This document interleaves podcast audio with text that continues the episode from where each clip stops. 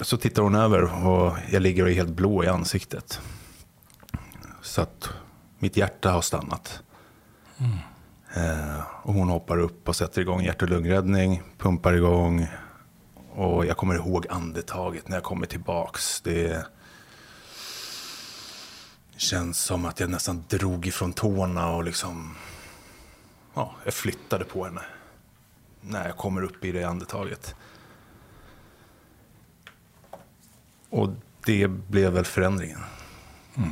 Jag nådde botten. Jag var tvungen att dö för att nå toppen. Eh, det är sjukt att det behövde gå så långt, men ja, det gjorde det.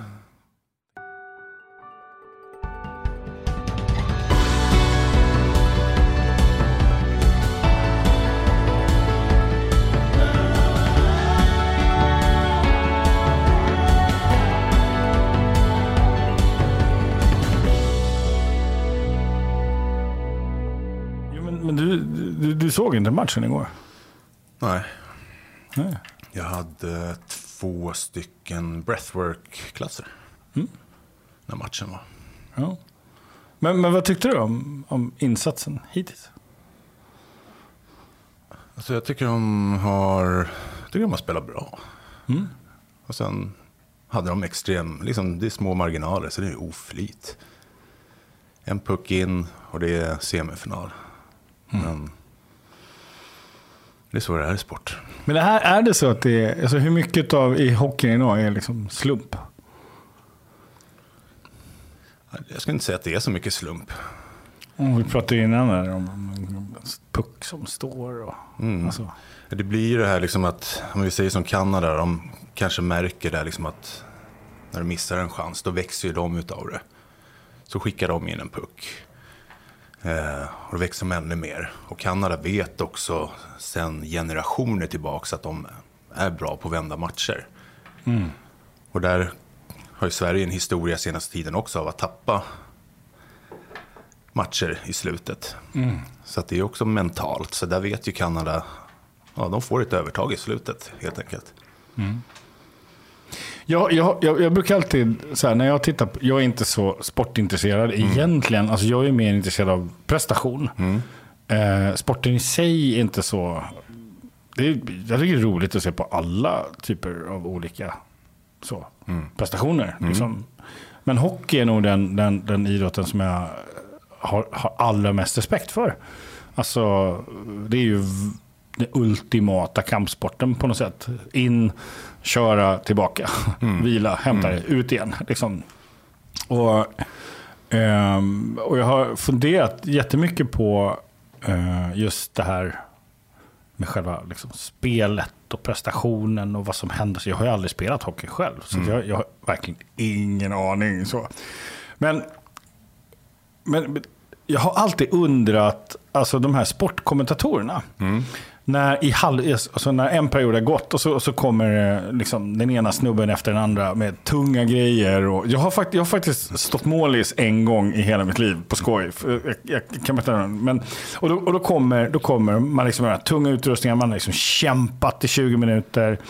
Och så frågar liksom kommentatorn så här, hur känns det? Mm.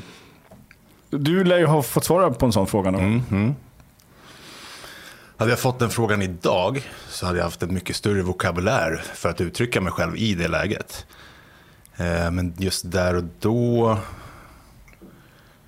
så när jag spelade när jag var yngre så var jag inte så, vad ska jag säga, pratsam. Och fick jag den där frågan så var det också så här, hur känns det? Ja, bra, eller det känns piss. Det var antingen bra eller piss. Eh, och men just också efter en match så är det... Hjärnan kan vara i 200 blås fortfarande. Mm. Så det är jättesvårt också liksom att du får den där frågan. Du måste verkligen ha tränat lite på att kunna ta lite djupa andetag och liksom kunna landa och processa. Mm. Men eh, ja, lite bättre frågor ibland hade inte skadat. Mm. Hur, hur, hur kommer det sig att du började spela hockey? Mm, från början, det var en vän till min pappa som hade spelat hockey. Håkan Färm hette han. Eller heter han. Och han hade en grabb som var ett år yngre än mig. Eh, som spelade redan. Så han ja, tyckte väl att farsan skulle komma ner med mig. Och jag var hooked efter dag ett. Hooked, vad roligt. Alltså, ordval. Ja. Och sen, ja, alltså så länge jag kan minnas. Från alltså, fem års ålder. Så var det NHL eller hockeyproffs som jag skulle bli. Kommer du ihåg den känslan? Du var, du var där? Vad, vad var det som gjorde att du blev hooked? Liksom? Någon, lite farten. Och sen friheten. Det, det är svårt att tänka på någonting annat. Eller ha någonting annat i mindet. Under tiden jag är i träning eller match. Det är liksom en... Ja, men det är, jag är där och gör någonting. Present in the moment. Eh, och sen var det det här också med lag, alltså lagkompisar och härligt med gruppdynamiken. Mm. Om, han, om han hade tagit dig till en fotbollsmatch? Ja, men det, jag spelade fotboll också. Ja, okej. Eh, Jag fick göra ett val när jag var runt 11. Då fick jag göra valet att spela fotboll eller hockey. Och det, ja, det blev hockey. Var, det, var det ett svårt beslut? Nej, det var det inte. Så vad var det som var avgörande för att liksom, välja hockeyn? Mm. Det var bara, jag tyckte det var roligare. Det var... Ja, jag, la, jag la mer tid på hockeyn. Hade ett större intresse för det. Mm, varför då? Va, vad var det som var roligt med hockey? Gemenskapen med laget. Sen också att få pressa sig till det yttersta. Jag hade en väldigt fin tränare under junioråldern i Huddinge. Olle Järpe hette han. Eh, och han, han var en bra människa, så han guidade oss liksom till att bli bra killar. Men sen så pushade han oss, oss, oss ordentligt med träningen. Eh, Jag själv hade lite... men Jag tyckte inte det var så kul att sommarträna. Jag tyckte det var roligare att spela, alltså spela hockey. Så sommar, sommaren för mig när jag var yngre, det var att spela fotboll, spela, åka rollerblades. Inte springa tre kilometer i skogen. Så när vi kom tillbaks till samlingarna och skulle sätta igång säsongen så ja, fick vi springa. Och då sa de att ni ska springa den här två kilometer sträckan ni ska klara på en viss tid. Och klarar ni inte så får ni inte gå på is. Jag kommer inte ihåg hur många gånger jag fick försöka, men sista gången då var vi två killar kvar. Då åkte han med sin Toyota Celica bakom oss i en fart som han hade mätt upp. Att håller ni er framför bilen hela den här sträckan så klarar ni tiden. Ja, tufft. Ja, men det var ju liksom så här. Ja, fick pressa oss till max. För hur, hur många år sedan spelade du hockey? Nu är det sju och ett halvt år sedan som jag slutade. Ja, kanske åtta. Hur, hur långt kom du? Eh, hur menar du? Alltså i hockeykarriären? Menar du vilken nivå? Mm. Eh, spelade i Tre Kronor. Eh, tre världsmästerskap. Ett VM-silver. Eh, all, jag kom aldrig till NHL. Men jag signade NHL-kontrakt. Så jag höll till i deras farmalag. I Pittsburgh i två år. Eh, spelade i Ryssland, i KHL i två säsonger. Och sen här hemma i Sverige, jag varit i Djurgården, Linköping, HV71. Så det har varit en, varit en resa. Ja, verkligen. Vilken karriär. Mm. Hur, hur, hur, hur, hur är det att spela ett VM? Liksom tre VM. Det är helt fantastiskt. Det är någonting, jag, när jag växte upp så var VM för mig det största. Det var större än OS, för det var... Ja, men det var någonting som var varje år. Och det är verkligen så här, svenska folket, det känns som att de flesta sitter hemma och tittar på en VM-final. det är häftigt. Så det var min stora dröm att få spela VM. Så att bli uttagen till VM och kriga för VM-plats varje år, det var någonting som drev mig. Hur gör man det där? För det har jag funderat på. Eh, alltså själva VM-lag, alltså Tre Kronor-lag är ju spelare från massa olika klubbar som helt plötsligt ska vara ett lag. Alltså hur gör man då för att bli ett lag? Eh, Men Ni, ni har ju säkert spel, kom, liksom, ni har ju tidigare varit rivaler i, i liksom, elitserier och så, så helt plötsligt så lirar ni ihop. Hur, hur funkar det där? Ja, men det funkar. Det är ju det är på planen som vi är rivaler. Sen utanför så är ju många av oss jättegoda vänner. Eh, Så utanför isen är vi jättegoda vänner, många av oss. Så Det är speciellt att få möta sin bästa vän på planen. Och liksom, men det blir också, det är lite roligt att ge sin bästa vän en riktig ordentlig tackling. För den, den kommer leva med resten av liksom. livet. Eh, nej, men hur man bygger lag, det är olika från coach till coach. Eh, men teambuilding, gör saker ihop. Eh, när jag har varit med i VM så är vi, ja, det året när vi gick till final, så hade vi en väldigt stark grupp som spelade kort med varandra nästan varje kväll. Och med bra uppslutning, typ 12-13 grabbar. Eh, Så det byggde en väldigt stark känsla. Och det är likadant i klubblagen också. Där har jag märkt väldigt stor skillnad på de lagen där vi umgås jättemycket under säsongen versus de lagen där vi kanske inte umgås lika mycket. Och det är någonting som alla som berättar att de har vunnit någonting. Att just den gruppen de vinner med är så speciell. De är så tajta som grupp. Så det är ju det här med binda energier. Det är intressant det där. Mm. Mm. Det händer någonting sen sju och ett halvt år sedan som gör att det slutar. Mm. Vad är det som händer? Eh, Jag får en tackling under en match. Vi- Vilken match då? Nu då? Eh, Vi möter Luleå på bortaplan. Eh, Och jag får en tackling som... Ja, jag kommer ihåg allting. Det- Allt, den här sekvensen går i slow motion för mig. Jag får en armbåge i ena tinningen och den släcker mig. Sen vaknar jag till och då slår jag i andra tinningen mot plexiglaset. Och då slocknar jag igen och sen vaknar jag till när jag faller och så landar jag på hakan. Så att det är en trippelknock. Och det var därför känner jag att det blev liksom, i tre och ett halvt års tid så hade jag huvudvärk nästan till varje dag. Åh fan. Ja, det trodde jag inte där och då.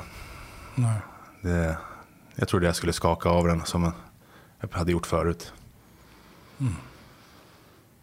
Eh, och det blev en, det blev en eh, förändring i livet. Hade du familj då? Sådär? Jag hade precis träffat en tjej. Eh, några månader tidigare bara. Mm, inga barn? liksom. Nej. Det är jag så tacksam för. För jag ser många av mina vänner som har hamnat i samma situation, som har barn. Hur jobbigt det kan vara. Alltså om, om man råkar illa ut Ja. på isen? Mm. Mm. Okej. Ehm, och, eh, för jag är lite nyfiken. Vad, hur, hur, hur gör du efter? Alltså när, när du liksom vaknar och börjar förstå vad som har hänt. Vad händer för dig då? Eh, direkt efter smällen där. Mm.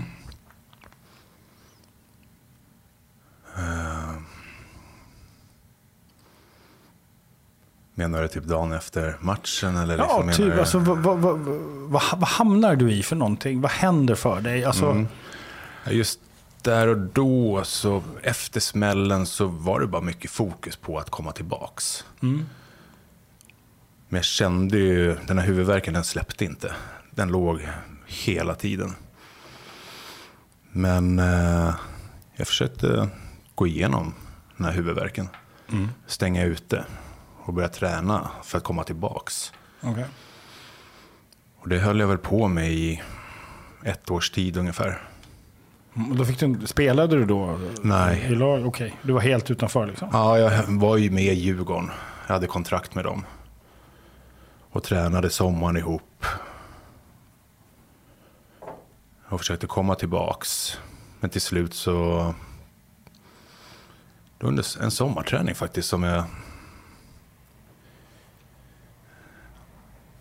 Ja, under en session. Som jag fick lite strul med huvudet. Och kände liksom att fan, det här kommer inte gå. Okej.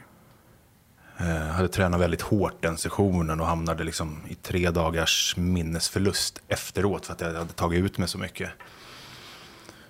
Och där och då fattade jag liksom att det här kommer inte att gå att spela. Och ta det beslut eller känna på det, det var, det var jobbigt. Alltså, hur gör, alltså, för för jag är nyfiken på det. Alltså, hur gör man för att liksom, ta ett beslut att det är över? Ja, För mig blev det i samråd med Djurgårdens läkare, Bengan, som jag har fullaste respekten för. Och när han sa till mig att han tyckte jag skulle sluta så min första reaktion var ju absolut förnekelse. Att, Nej, fan, det ska jag absolut inte. Jag blev nästan arg under det mötet som vi hade. Eh, Men sen när det hade sjunkit in lite grann så kände jag väl att det finns en anledning till varför han säger det också. Eh, och idag så är jag tacksam för det. För att hade jag fått en smäll till så vet jag inte. Då kanske det hade varit fem, sex år som jag hade haft huvudvärk. Eller haft ännu mer problem.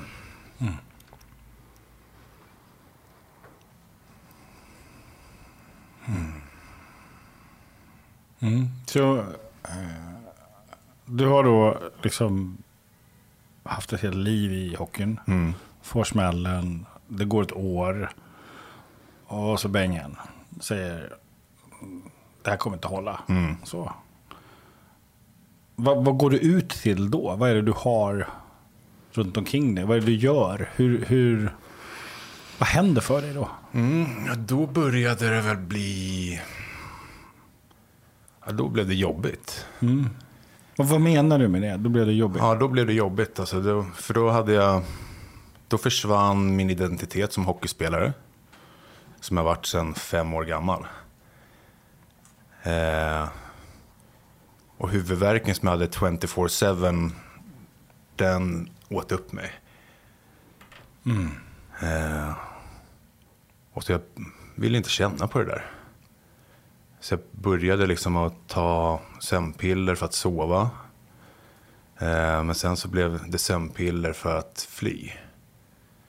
Så att under ett tag så var det liksom, jag startade min dag med att ta en och en halv, två stillnokt. Det är liksom insomningstabletter. Och när jag kände att de kickade in, då öppnade jag ögonen. För det var det enda som fick bort huvudvärken. Så det var så befriande, men det, ja, vilken zombie jag var. Eh, helt avstängd. Och Hur länge höll du på med det? Det höll väl på i ett års tid kanske. Och vad, gör du det året liksom? Jag åkte in till omklädningsrummet de dagarna jag kände mig bra. Och hälsade på grabbarna och var där. Fick massage av eh, våran fysio i Djurgården.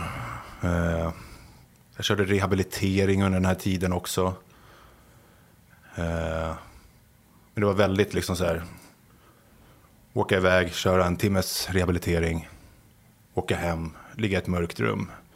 Eller bara ligga i soffan. Eh, och under ett tag så blev jag också, ja, jag varit i depression så att jag åkte inte ens in till träningarna. Så att i perioder låg jag bara hemma och lämnade knappt lägenheten på några veckor. Var bodde du då? någonstans?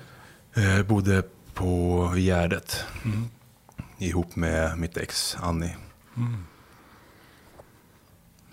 Eh, och hon, alltså utan hennes hjälp så hade, ja, jag vet inte vad som hade hänt då. Det, jag skulle säga att hon, hon är en stor del till varför jag sitter här idag. Wow.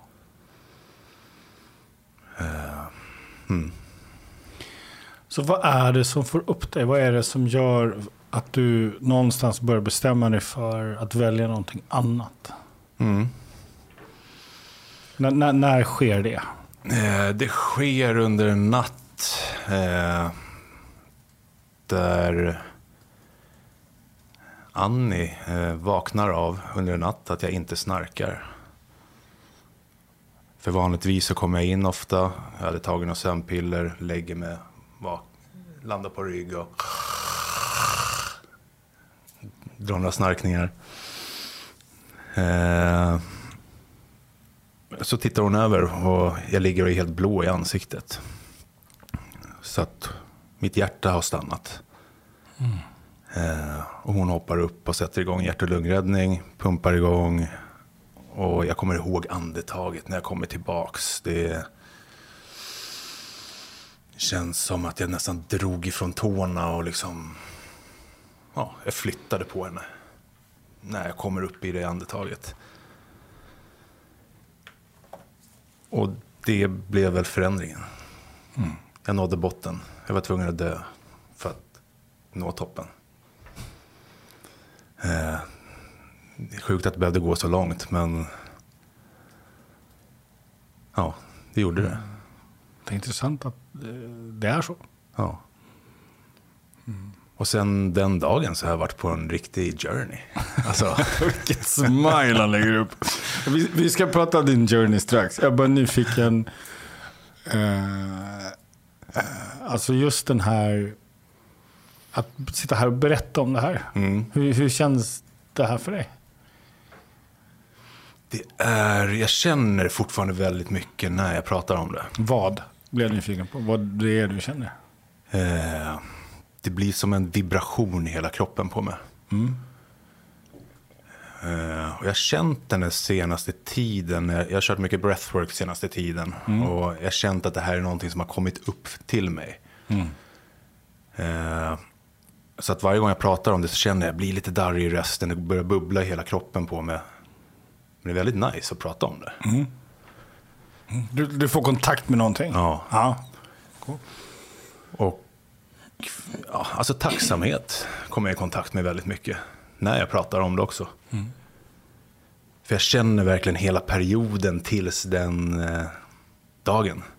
Tills det händer. Jag känner hela den perioden i min kropp. Och sen så känner jag hela perioden efter. Att jag liksom typ, när jag vaknar på morgonen så har jag ett leende på läpparna. För att jag känner tacksamhet för att jag vaknar. Det är så lätt. Så det, Den, den här kontakten med kroppen. Hade du den när du spelade hockey? Nej. Vilket är ganska intressant eftersom hockey är en extremt fysisk sport. Mm. Mm. Intressant. Eh, så för sju och ett halvt år sedan så eh, eh, sker olyckan, kan man kalla det för det? Mm. Ja. Eh, eh, och, och, och du missbrukar sömntabletter kan man säga. I ett års tid efter det. Mm. Då är det då för sex och ett halvt år sedan. Som du blir hjärt och lungräddad. Mm. Vilken tur att de kunde det. Mm. Tänkte jag. Du, du, du är inte liten heller. Nej. Att fixa det på dig är ju ganska imponerande. Ja, men det är en, en stark kvinna det där. Ja, tydligen. mm. Och det där första andetaget är jag lite nyfiken på. Mm. Vad, vad, vad minns du av det? Direkt efter mindes jag inte det. Det fragment som har kommit till mig efteråt. Och det jag kommer ihåg är hur skönt det var. Och hur, vilket andetag det var. Eh, Så djupt.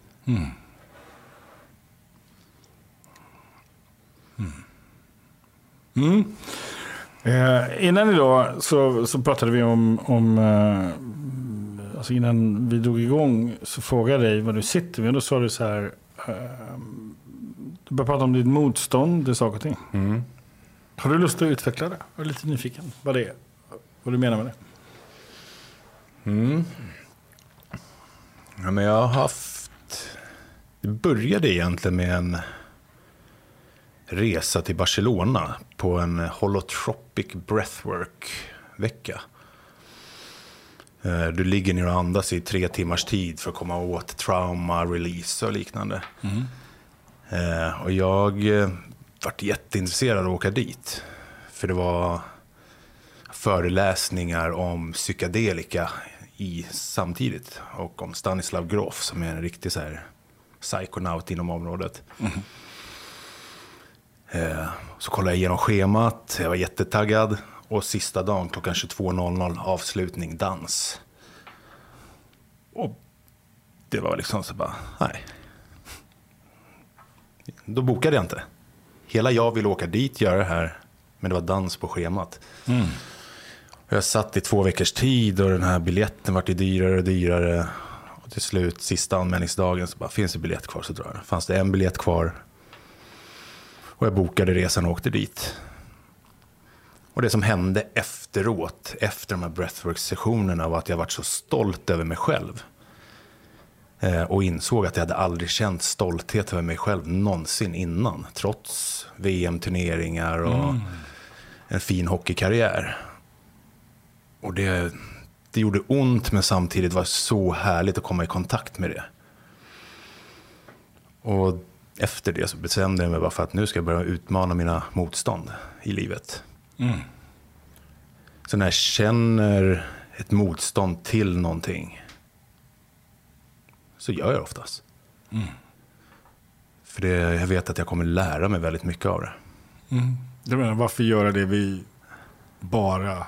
Liksom, det, alltså, varför göra det vi inte känner motstånd? För det är där vi lär oss någonting om oss själva. Ja. Ja, snyggt. Nu måste... Nej, Nu får du klippa lite. Men jag såg att micken hade halk, halkat ner en hel haka. Ja, ja, men det var ändå så. Jag, jag försöker ta ansvar för poddkvalitet här. Sorry. Ja, så. så du, du får markera. Ja. ja, men vad bra. Då, skit, då släpper jag det från och med nu. Ja, vad bra. Ja.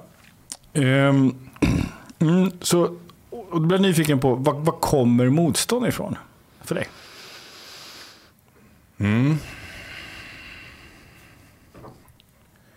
Vart kommer det ifrån?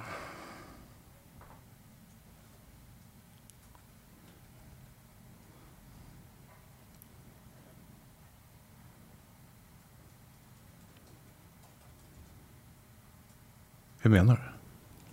Ja, det kommer ju någonstans för att känna ett motstånd. Ja, yes. Eh, nej, men det är rädsla. Eh, rädsla för att eh, misslyckas.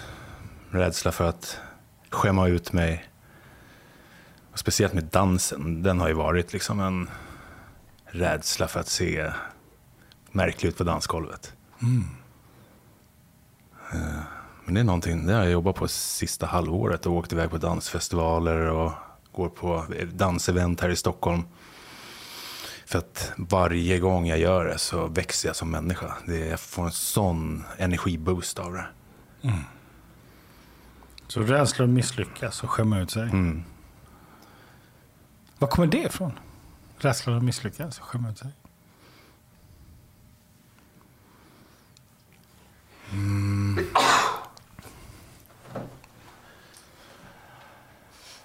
Prosit. Idag går inget bra här.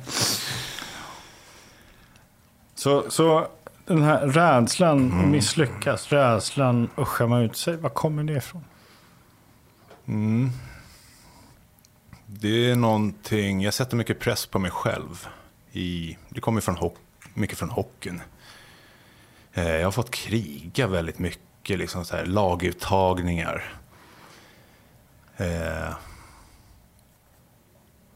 Jag kan inte säga att jag har misslyckats så mycket, liksom, så att jag har fått känna på det. Men, och sen är det så här, vad är ett misslyckande? Men när jag var yngre så såg jag ju ett misslyckande som om jag missade en laguttagning.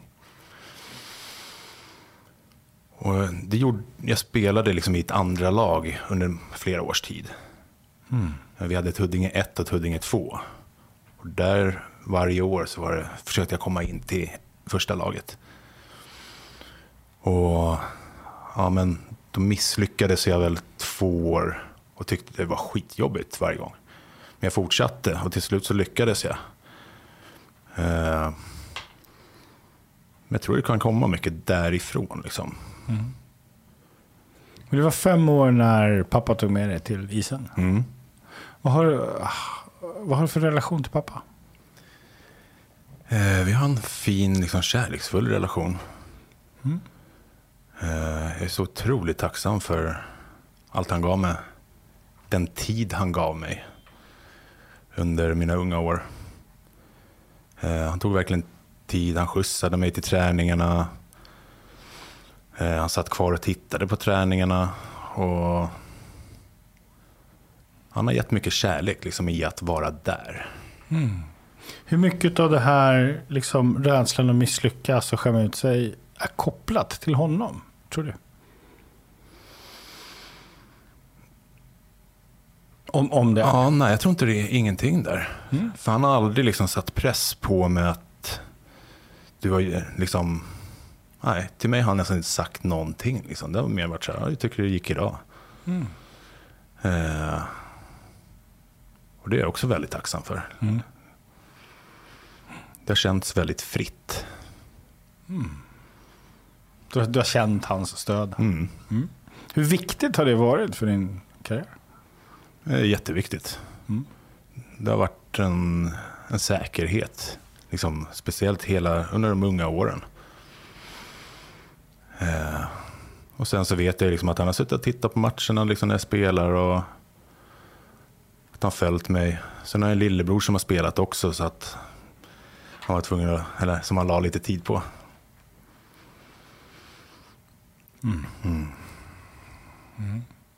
Ja.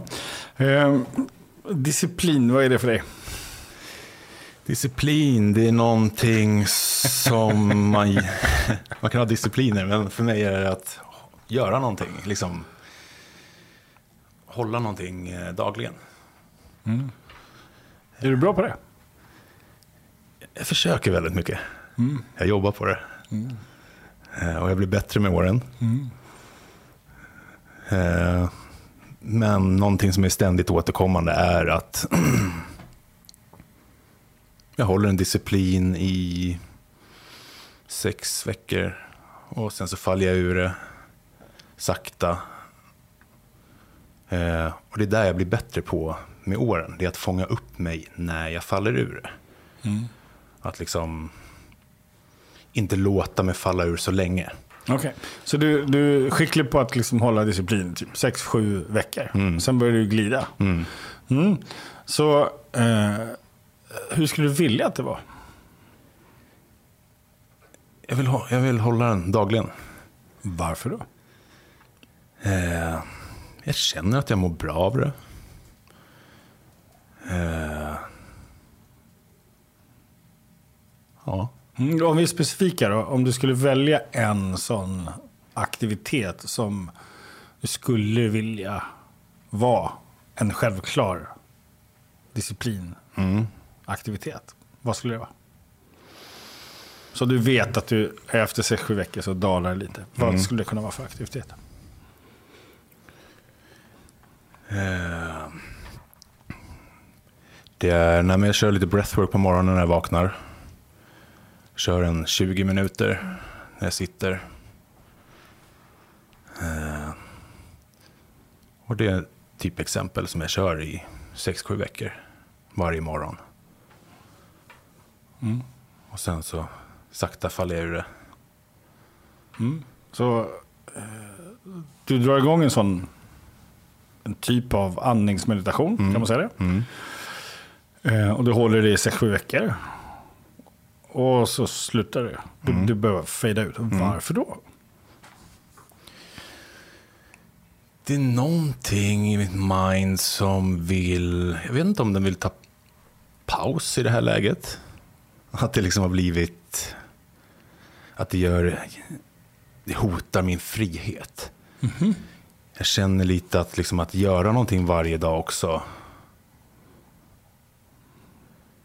Inte binder mig, jag vet inte. Det kan vara någonting som kommer in där och... Eh, ofta så, när en sån här period kommer så åker jag till mitt landställe. Och är där i några dagar. Och då är det ofta, eller ofta ska jag inte säga, det är ungefär. Men jag tillåter mig själv till att inte göra det. Och då blir det en battle där uppe. Liksom så. Okej. Alltså nu kan jag nästan sitta och liksom observera det vid sidan om och bara, "Va- varför gör jag inte det här? Mm. Och så sitter jag och känner på det. Och så kan det bli att jag inte gör det. Så du är med andra ord ganska odisciplinerad? Ja, det skulle jag säga. Ja. Okej. Hur, hur skulle du vilja att det var? Jag skulle vilja vara lite mer disciplinerad. Mm, vad händer då, när du är det? Då händer saker i ett flow för mig. Mhm. Okej, så disciplinen är en förutsättning för, för, för flow? Mycket. Berätta mer. Eh, disciplinen, nej, men här har jag liksom typ, med disciplinen så finns det ofta lite så här, om, var, vad är det som gör att jag vill göra det här? Vad är det som gör att jag vill starta dagen med breathwork? Och det är oftast för att, eller det är för att jag mår väldigt bra av det. Eh, och jag är en sån som tror väldigt mycket på att gör jag de, alla de här grejerna som är bra för mig, att jag mediterar, andas och jag kör min träning då sköter universum allting åt mig också i ett flow. Eh, och det funkar för mig. Okej. Jag, liksom, Jag hör ju någonting. Som jag, jag, jag skulle bara vilja Ja. kolla om jag hör rätt. Ja. Du gillar när det är svårt. Och det finns en motstånd. Och du får kriga. Och du får fightas för det. Ja. Hur blir det då när saker och ting är lätt för dig?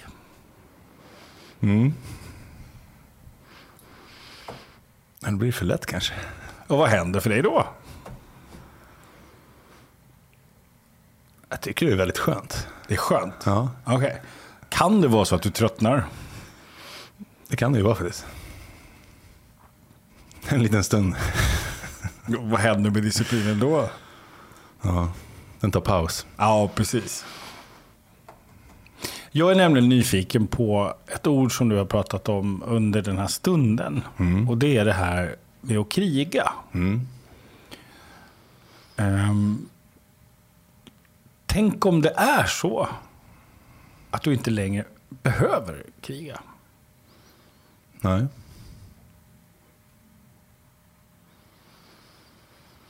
Vad säger du då? Nej, men det behöver jag nog inte.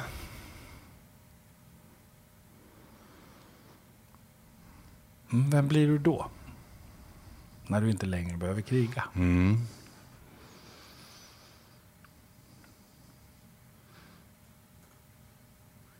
Ja, vem blir jag då? En lirare med ett skönt flow. Skulle du vara okej med den idén om dig själv? Mm, ja, men det skulle jag vara. Det, det är det jag jobbar för. Okej, så det är det du jobbar för? Ja, jag vill vara, alltså. Jag vill, jag vet också att jag kommer hamna, en dag så kommer jag liksom. Alla discipliner kommer sitta, jag kommer vara i flowet. Eh, och jag vill inte pusha mig själv in i det, tvinga mig själv. Jag vill att det ska komma till mig och falla in till mig. Att jag, att jag gör det hela tiden. Varför då? Varför, varför vill du att det här ska hända? Jag mår bra då. Ja, jag fattar det. Men förutom det. Ja. Det, det, det är typ den universella generaliseringen av dem alla när man inte vet vad man ska säga. Då säger man så här, ja men då mår jag bra. Fine, men för dig.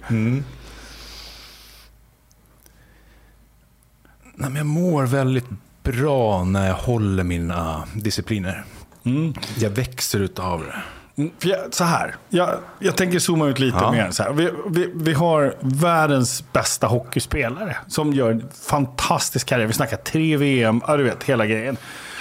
Eh, du är en idol och en ikon för jättemånga människor. Och liksom krigaren på isen med svärdet, höll jag på att säga, i högsta hugg. Och, och sen som är med om den här olyckan. Eh, och som liksom, ett års tid bedövar dig själv och sen blir återupplivad utav, din, ditt, liksom, utav ditt livs första egna andetag på något sätt. Men inte längre krigaren.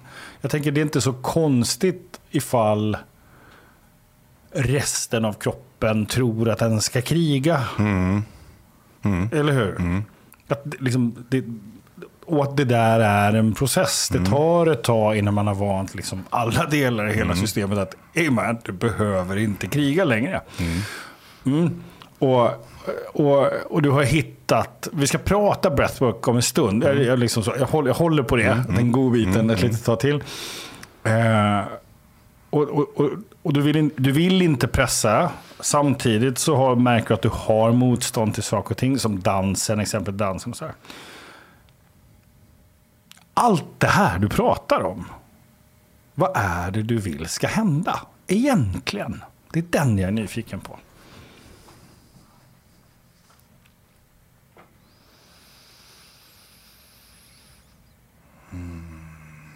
Ja, jag vill bli fri.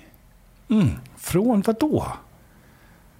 Från allting som har kommit till mig utifrån som har liksom... Som inte är jag. Som nästan har kommit till mig ja, men så här, från skolan. Liksom så här. Du ska infinna det här, du ska göra det här, du ska växa upp och bli en fin medborgare och följa systemet. Tror du vill bli fri? Ja, jag vill skala. Lager på lager. Och Det är ju en... Den, kommer, den processen kommer hålla på hela livet. För det är förändligt också så att... Jag fyller ju på med saker och gör mig av med saker. Och med tiden så... Ja, det är en ständig, ständig process.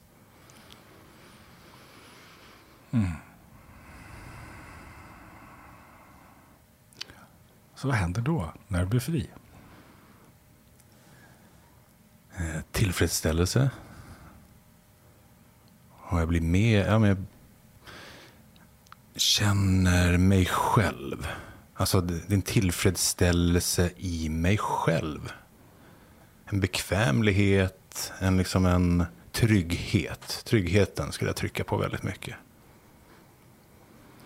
Ju mer jag skalar och liksom kommer i kontakt med saker och ting, desto tryggare blir jag i mig själv. Eh, och vem jag vill vara och hur jag vill leva.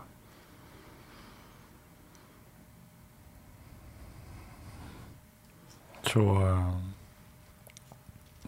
du lär känna dig själv. Mm. Eh, Du är bekväm med den du är. Mm. Och du känner dig trygg. Och du är fri. Mm. Vad händer då?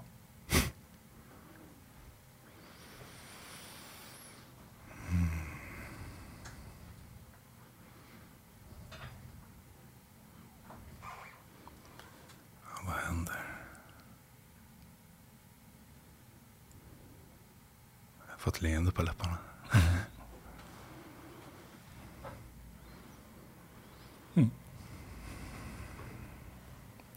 Vad händer hos dig just nu? Jag blir glad. Jag har ett leende på läpparna.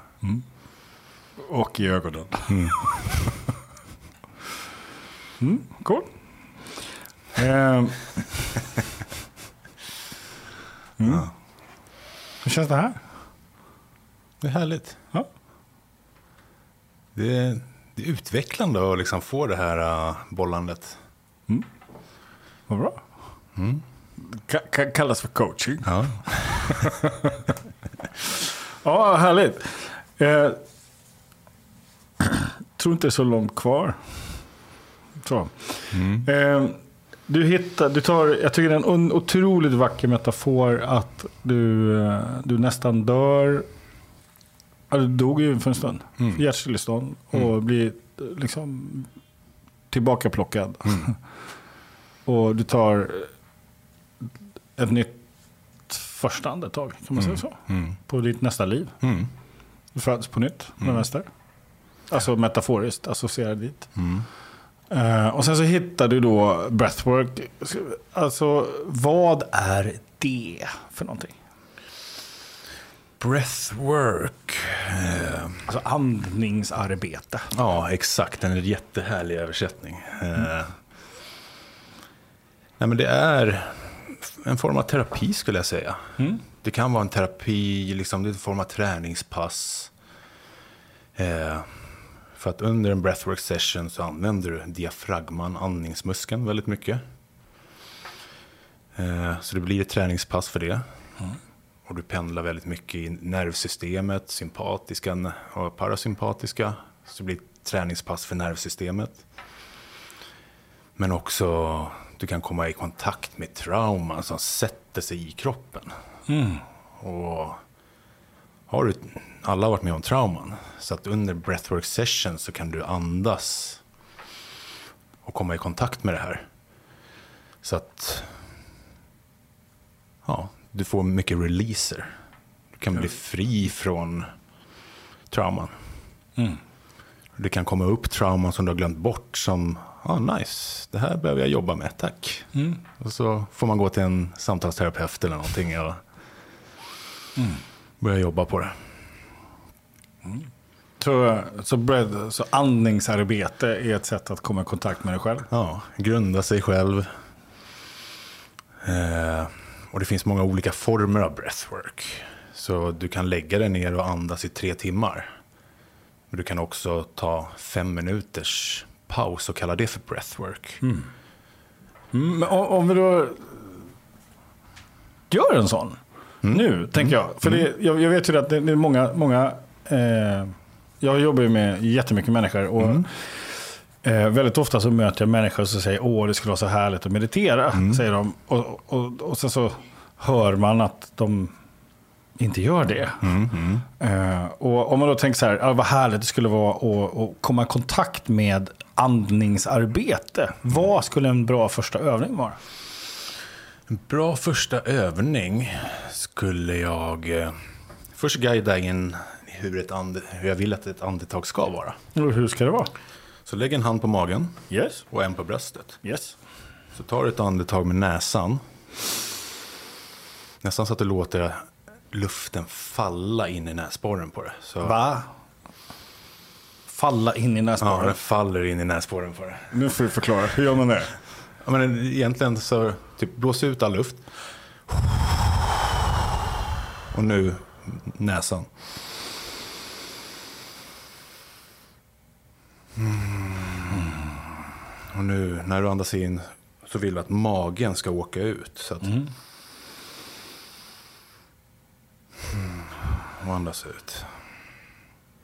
Andas in, magen åker ut. Och nu kan du följa med upp mot bröstet också så det blir ett...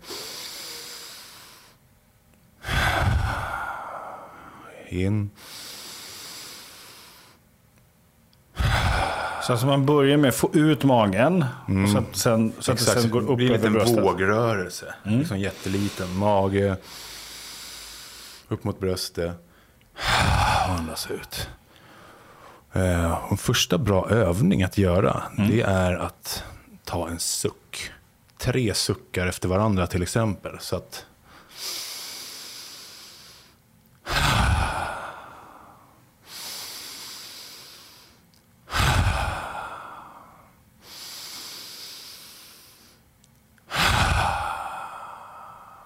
Och så förlänga utandningen när man andas ut. Mm. För då kopplar vi på något som kallas för parasympatiska nervsystemet. Mm. Eh, som är, vi sänker pulsen och lugnar oss. Men det är också en väldigt bra övning att se vart man är någonstans. För att en person som oftast är utbränd eller deprimerad har väldigt svårt att få det där släppet. Mm. Det blir en ett hack. Mm. Eh, ja, så jag använder mycket andning till att se hur jag mår. En övning är en väldigt bra, det är en to- koldioxidtoleransövning. Så du tar ett and, djupt andetag in. Mm. Och så andas du ut. Och så stannar du där. När första signalen kommer att nu behöver jag andas, då räcker du upp ett finger. När andra signalen kommer, då räcker du upp finger nummer två och sen så andas du. För här kan jag se, ligger jag under 30 sekunder så är jag stressad. Då är min kropp väldigt stressad. Eh, så här vill, i det här testet så vill man ligga över 30 sekunder. Ja, 20 till 30 Så liksom. att man, man tömmer sig helt på luft och så håller man kvar. Ja. Och stanna där. Och så tar, klockar du dig själv. Och ser eh, vart du är någonstans. Du vill komma över 20 sekunder. Fördelaktigt 30 sekunder. Och är du till exempel, du håller på och idrottar och du vill vara i bra form. Då ska du upp mot 40 till en minut. Eh, och det är ett jättebra mätinstrument att se hur man mår. För att ligger du under 20 sekunder, då är det oftast, eller då betyder det med stor risk att du inte är tolerant mot din koldioxid i kroppen. Och vi behöver koldioxiden för att ta upp syret i kroppen. Så då är det ett tecken på att du kanske munandas. Just det, att man är här uppe. Ja, här uppe. Och då gör du av med mycket koldioxid. Så att när du får koldioxid i kroppen så vill kroppen bara få bort det. Och det är kopplat till välmående, depressioner. Eh, Så att börjar man jobba på den här toleransen så kommer du få mer energi. Troligtvis kommer sömnen bli bättre.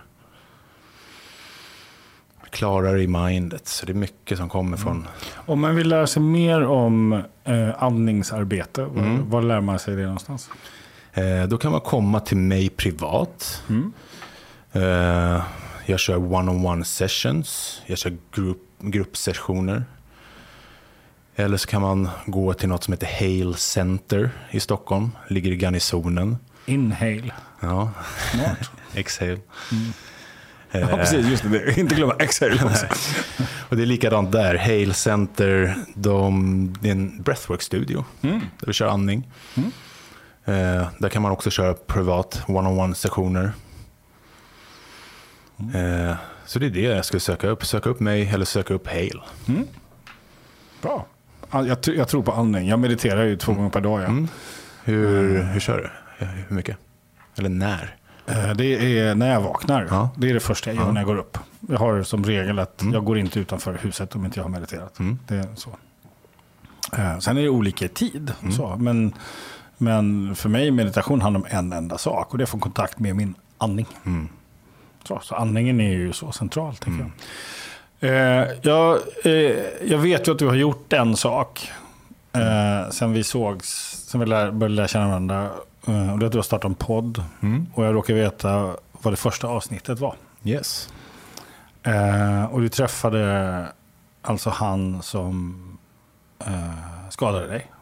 Mm, han som tacklade mig. Han som tacklade dig. Ja. Eh, och du har inte träffat honom sen olyckan. Var det så? Eh, nej, exakt. Eh, vi träffades för första gången när vi spelade in poddavsnittet. Jag måste fråga, hur var det? Det, det var häftigt. Vi hade inte pratat med varandra heller förrän, vi hade haft sms-kontakt direkt efter tacklingen. Men där och då var inte jag mottagen till att ta emot en ursäkt. Nej. Eh, men eh, nej, när jag, kom på, när jag kände att nej, jag ska starta en podcast. Och det kom till med vad första avsnittet skulle handla om. Och då skickade jag ett meddelande till Johan och frågade om han ville vara med. Och han tackade ja och vi bestämde att vi skulle höras på telefon. Och när vi hördes på telefon, då var det på dagen två år senare, sju år sedan tacklingen. Det var Luleå och Djurgården på tv samtidigt som vi snackade i telefonen. Och vi båda var liksom så här, alltså vi grät och vi pratade, vi pratade säkert tre timmar. Liksom. Det var ett förlösande samtal. Där jag kunde fråga honom hur det hade varit liksom, efter tacklingen och han frågade mig hur det hade varit. Och, eh, vi delade varandras resor. Det var väldigt härligt, det var skönt. Det var ett closure för mig i hela. Men sen när vi sågs några månader senare, när vi spelade in avsnittet, så... Men det var ju typ samma känsla. Det var, det var häftigt. För det, hade, det har påverkat mitt liv så mycket. Såklart. Eh, men jag har ju kommit till att det där var typ det bästa som har hänt mig. För jag har fått en sån ot- otrolig förändring i mitt liv. Jag har blivit någon som jag inte tror... Ja, jag hade väl påbörjat mitt personliga arbete typ nu om jag hade fortsatt spela hockey till slut. Om jag hade påbörjat det. För förut var jag ju livrädd för att hoppa in i sådana här retreats eller ta i kontakt med en coach till exempel. Så det, hela händelsen är verkligen, ja, det, det, är så, det är så starkt. Så det var, det var häftigt. Skulle man kunna säga att du eh, håller på att försonas med dig själv? Mm. Mm, det ska jag säga. För det där var ju... Jag kände ett hat mot Johan efter tacklingen där. Och det var inte förrän jag kunde förlåta honom och acceptera att händelsen hade hänt som jag kunde börja läka. Det var då typ skallen började bara, ja härligt, nu får du må bra igen. Cool. Du, vad tar du med dig efter den här sessionen med mig? Efter sessionen? Att inte, inte fightas. Ja. att jag inte behöver det längre. Mm, ja, den var ganska tydlig. Mm. Tack ska du ha. Tack själv.